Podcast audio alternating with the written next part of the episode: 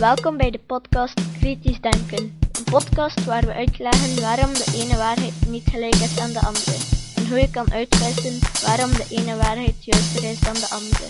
Waar we uitleggen waarom het belangrijk is om alles kritisch te bekijken, ook deze podcast. Goeiedag, het is vandaag zondag 6 september 2007. Ik ben Jozef van Giel en dit is de 27e aflevering van deze podcast. Deze aflevering kwam tot stand dankzij de medewerking van Rick de Laat. Vandaag beginnen we een reeks waarin we een essay van Jan de Lender voorlezen die gaat over de theorieën die door Freud werden verkondigd. We willen de weduwe van Jan de Lender bedanken die ons toestemming gaf om deze tekst te gebruiken. Jan de Lender heeft psychologie en criminologie gestudeerd in Leuven. Hij maakte een eindwerk over Freud. Toen hij bezig was aan zijn doctoraat, heeft hij een denkgroep met een aantal professoren opgestart. Hij werd door die psychologieprofessoren met open armen ontvangen, tot hij steeds meer van Freud te weten kwam en daardoor ook steeds meer op de fouten in zijn theorieën begon te wijzen. Daardoor viel hij in ongenade bij de professoren en moest hij buiten de universiteit werk zoeken. Hij werd journalist bij het BRT-journaal. Daarna ging hij lesgeven aan de Sociale Hogeschool van Brussel. Hij besteedde veel aandacht aan het bijbrengen van kritisch denken bij zijn leerlingen. Hij overleed op 13 februari 2003 na het afwerken van zijn boek Het verdriet van Darwin. Verdringing door Jan de Lender. Inleiding: een korte historiek van het gebrek aan skepsis in de wetenschap. Mensen hebben er nood aan de wereld te begrijpen. Ze zijn geneigd vragen te stellen over alle aspecten van de werkelijkheid. Wat is een ster? Waaruit is materie opgebouwd? Waar komen mensen vandaan? Het probleem is dat het begrijpen van de wereld moeilijk is.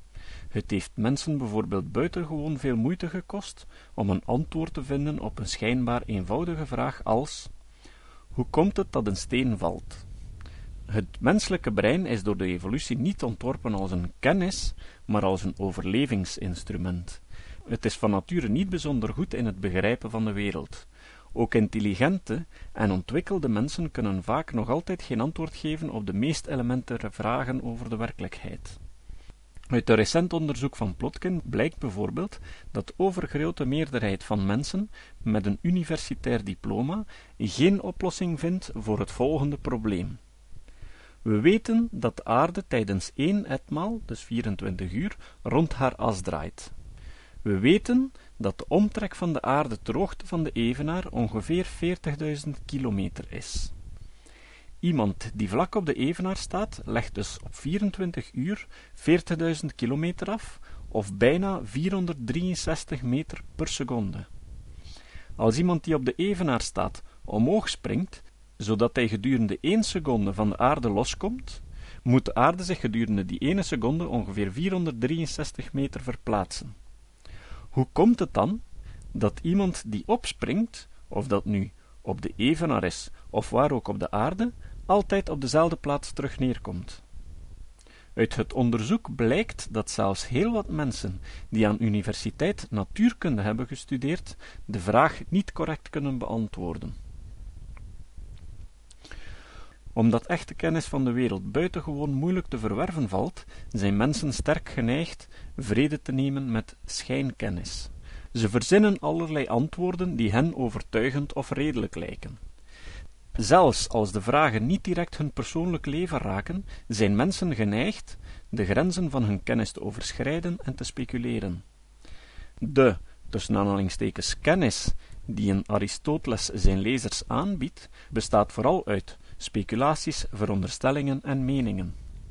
De geschiedenis van het menselijk denken is grotendeels de geschiedenis van de strijd die we hebben moeten voeren om onze persoonlijke meningen, intuïties, vermoedens en veronderstellingen te onderscheiden van echte kennis. Met echte kennis bedoelen we nu het soort weten dat ontstaat door veronderstellingen stelselmatig te toetsen aan zintuiglijke observatie aan de resultaten van experimenten en door hun logische coherentie zorgvuldig te controleren. Het opbouwen van echte kennis verloopt buitengewoon moeizaam. De meeste vragen zijn voor mensen onbeantwoord. Dit betekent dat wij op de meeste vragen zouden moeten antwoorden met een nederig: Ik weet het niet.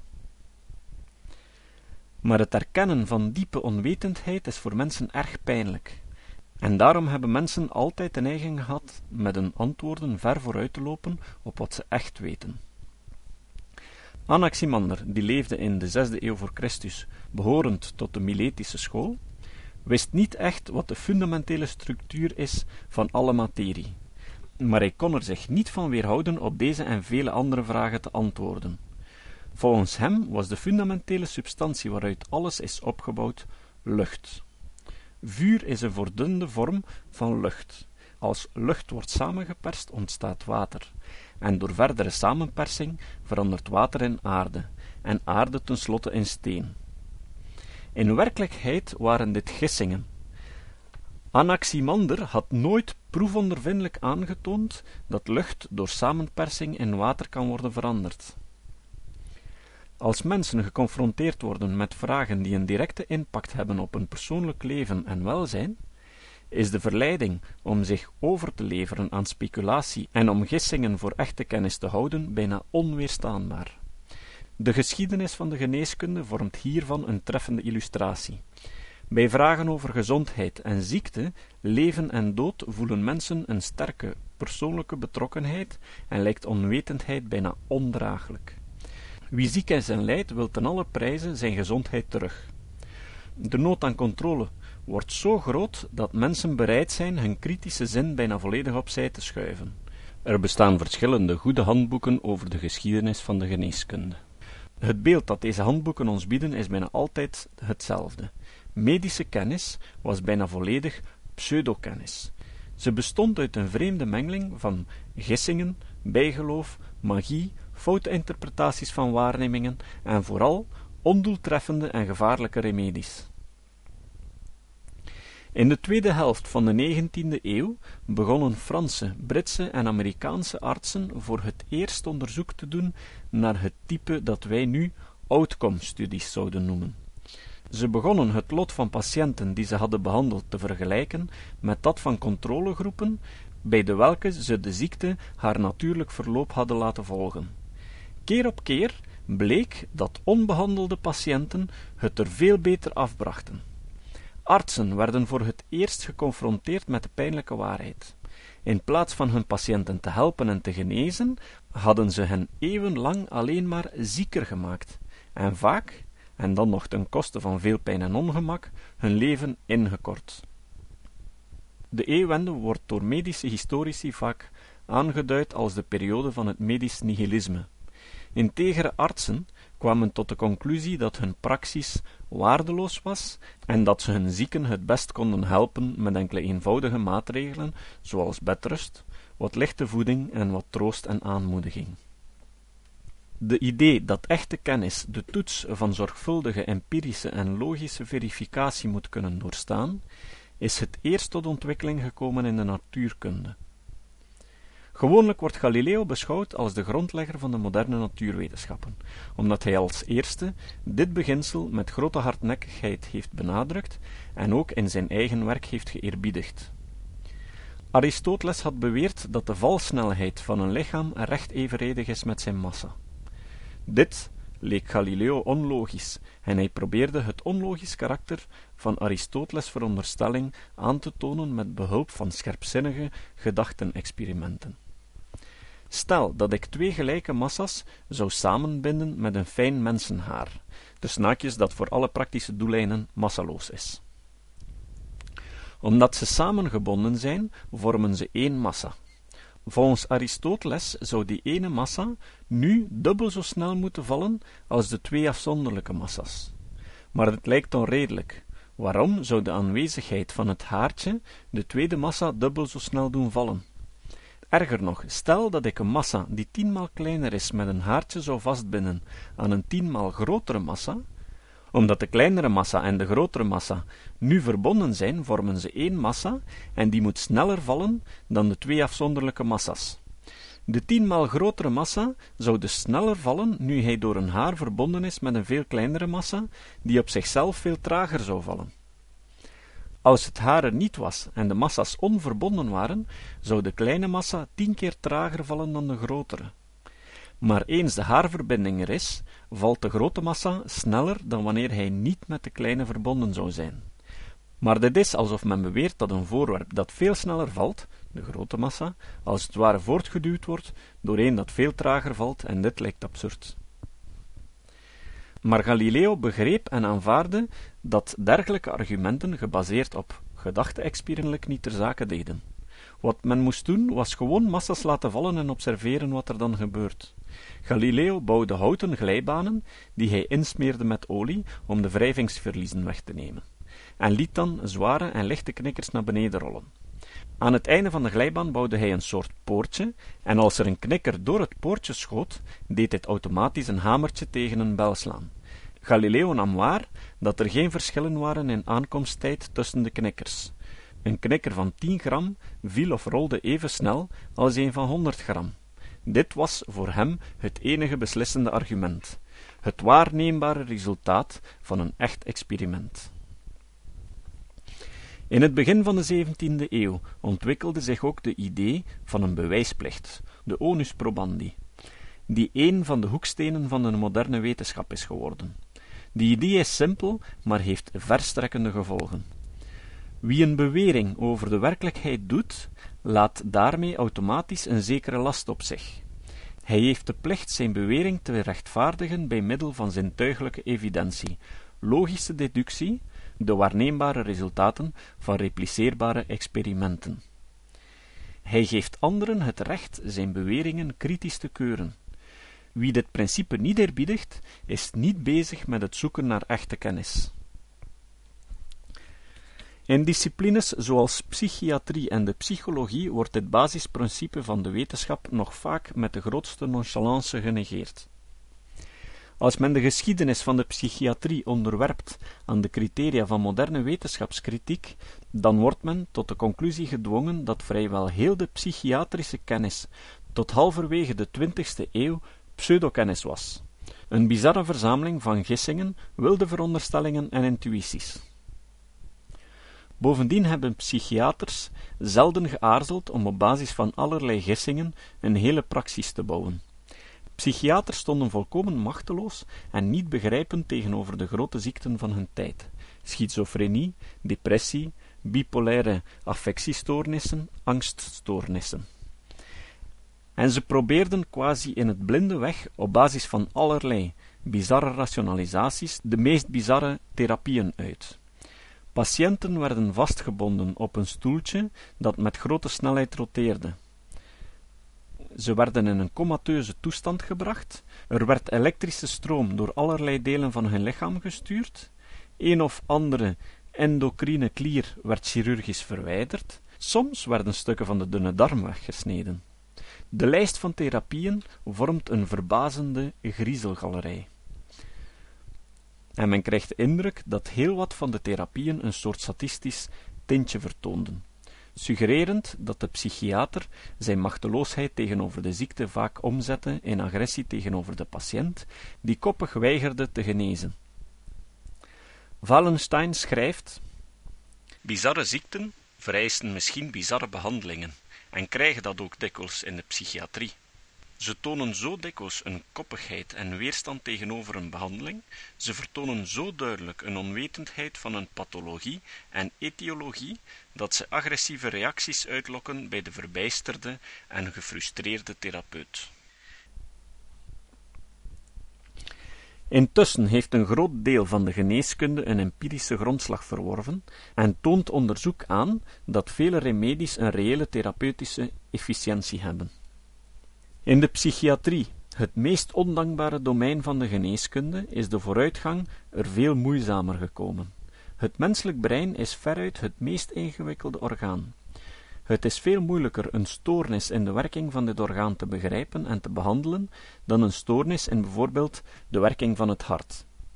En de geschiedenis herhaalt zich met een betreurenswaardige monotonie. In plaats van hun onwetendheid toe te geven, hebben psychiaters allerlei wilde gissingen gelanceerd en op deze gissingen een praxis gebouwd. Sigmund Freud wordt nog altijd door velen beschouwd als de grootste psychiater van de twintigste eeuw. Als men zijn uiver onderwerpt aan de toets van de moderne wetenschapskritiek, wordt duidelijk dat het werk van Freud helemaal geen wetenschap is. Onder wetenschapsfilosofen, zoals Wittgenstein, Popper en Koen, bestaat daarover een consensus. Het is een verzameling van gissingen en beweringen die elke empirische steun ontberen.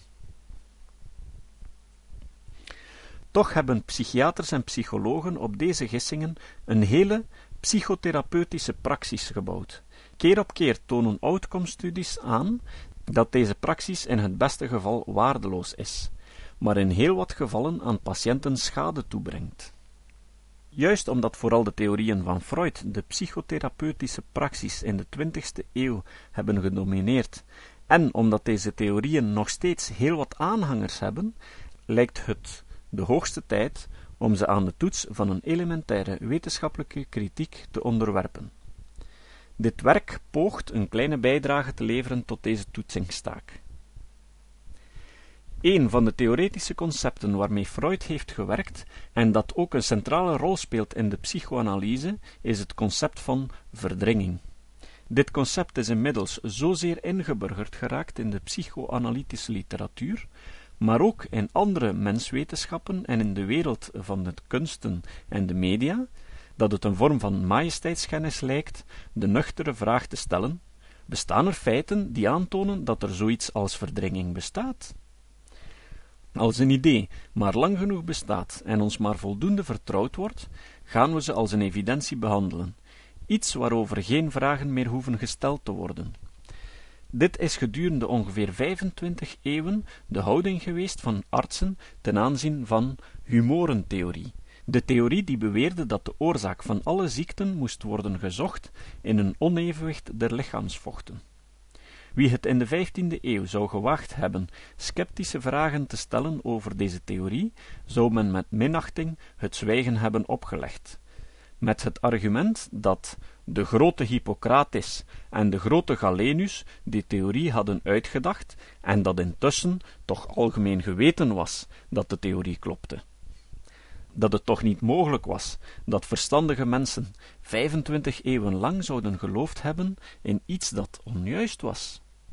Maar dit zijn natuurlijk loutere gezagsargumenten, die voor de moderne wetenschap geen gewicht in de schaal leggen.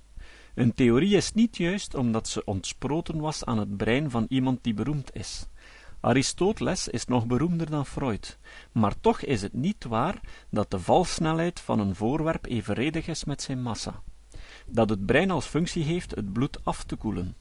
Dat mannen meer tanden hebben dan vrouwen. Een theorie is niet waar omdat veel mensen, ook verstandige en ontwikkelde mensen, erin geloven. Vijf eeuwen geleden geloofden alle verstandige en ontwikkelde mensen dat de zon rond de aarde draait.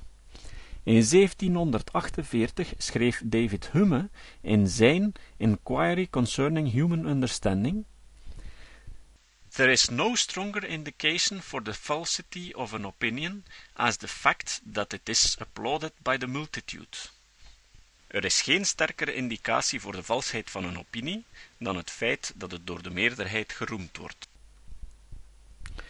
Het is verontrustend te moeten vaststellen hoeveel gewicht loutere gezagsargumenten in de psychologie nog altijd bezitten. Bestaat er verdringing?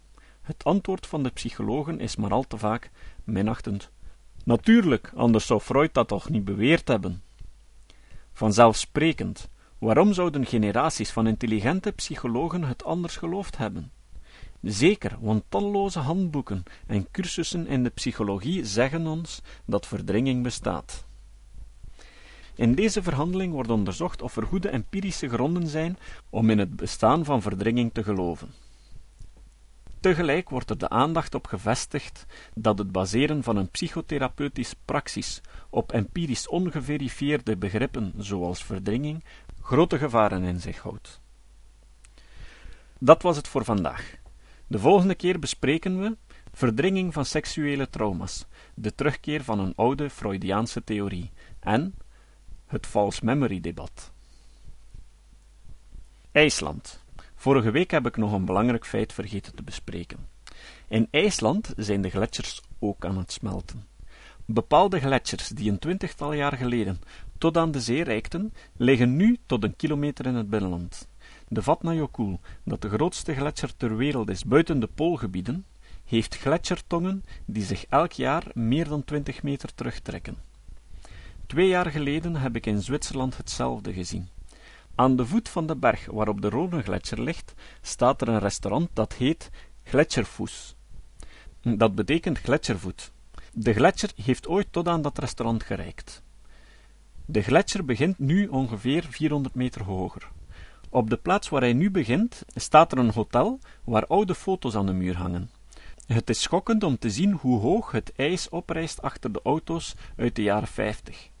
Op de plaats waar die foto getrokken werd, zijn nu alleen nog kale rotsen te zien. Klimaatskeptici beweren dat die fenomenen zich alleen in het noordelijk halfrond voordoen. De term sceptici verdienen die mensen eigenlijk niet. In 2007 zat ik in Patagonië in Chili en heb daar de Grijgletsjer bezocht.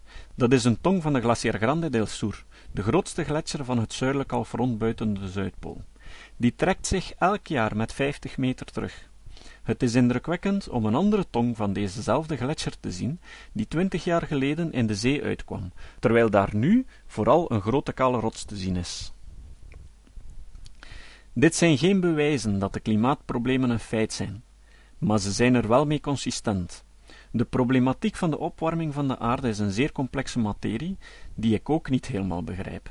Toch denk ik dat er genoeg argumenten zijn om aan te nemen dat het een feit is. Ik zal nog een aflevering uitweiden aan hoe je moet omgaan met materie die je niet helemaal begrijpt, en ook een over de klimaatopwarming. Het citaat. Het citaat van vandaag komt van Dara O'Brien. O'Brien is een Ierse televisiepresentator en een stand-up comedian. Hij studeerde natuurkunde, maar begon zijn carrière onmiddellijk op de televisie. Hij begon met een kinderprogramma, maar ondertussen is hij heel populair in Groot-Brittannië als stand-up comedian. Dara O'Brien zei: Natuurlijk weten wetenschappers dat de wetenschap niet alles weet. Anders zouden ze ermee ophouden. Tot de volgende keer. Dit was de podcast Kritisch Denken. Vergeet niet om alles kritisch te behandelen, ook deze podcast. Voor verdere informatie over deze podcast, links en voor de tekst, surf naar www.kritischdenken.info. Als je deze podcast belangrijk vindt, dan kan je me steunen door andere mensen warm te maken ook eens te luisteren. Stuur een e-mail naar je vrienden met een link naar mijn website of plaats de link in de handtekening van je e-mails. Je kan me ook steunen door op iTunes deze podcast een goede beoordeling te geven of een recensie te schrijven. Of je kan op je eigen website of blog een link naar mijn website plaatsen. Hoe meer links, hoe sneller je gevonden wordt op Google. Dat kan beloond worden door een link naar jouw website bij mij.